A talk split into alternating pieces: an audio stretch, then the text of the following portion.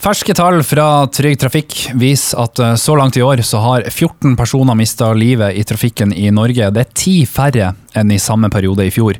Senior kommunikasjonsrådgiver Kristoffer Solstad Steen, hva kan du si om disse tallene? Altså det vi kan si om eh, antall omkomne i trafikken så langt i år, er jo at det er en eh, nedgang fra før.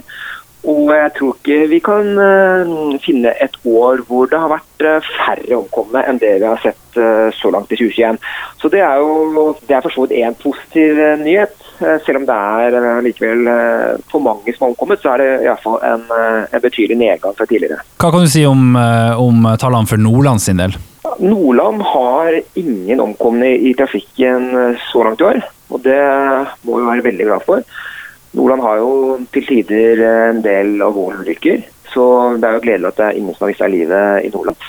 Og eh, jeg kan ikke se, i hvert fall ikke tilbake fra 2010, at, at etter årets tre første måneder så har det ikke vært omkomne i Nordland i trafikken tidligere.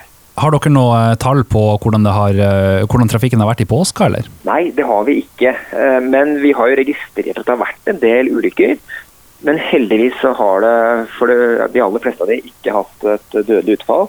Vi fikk et, en dødsulykke nå helt på tampen av påsken, dessverre. Så Det betyr at vi i 2021 er oppe i 15 omkomne. Er det kvinner og menn, begge deler? Har du noe tall på om, om barn er involvert i trafikkulykker hittil i år? Altså, de som har mista livet i trafikken i år, det er eh, jevnt fordelt eh, mellom kjønnene. Nå er det åtte menn og syv kvinner. Men dessverre så har vi også opplevd at eh, et eh, barn har eh, omkommet i trafikken i år. Og det er jo det vi jobber intenst og hardt for å, å unngå.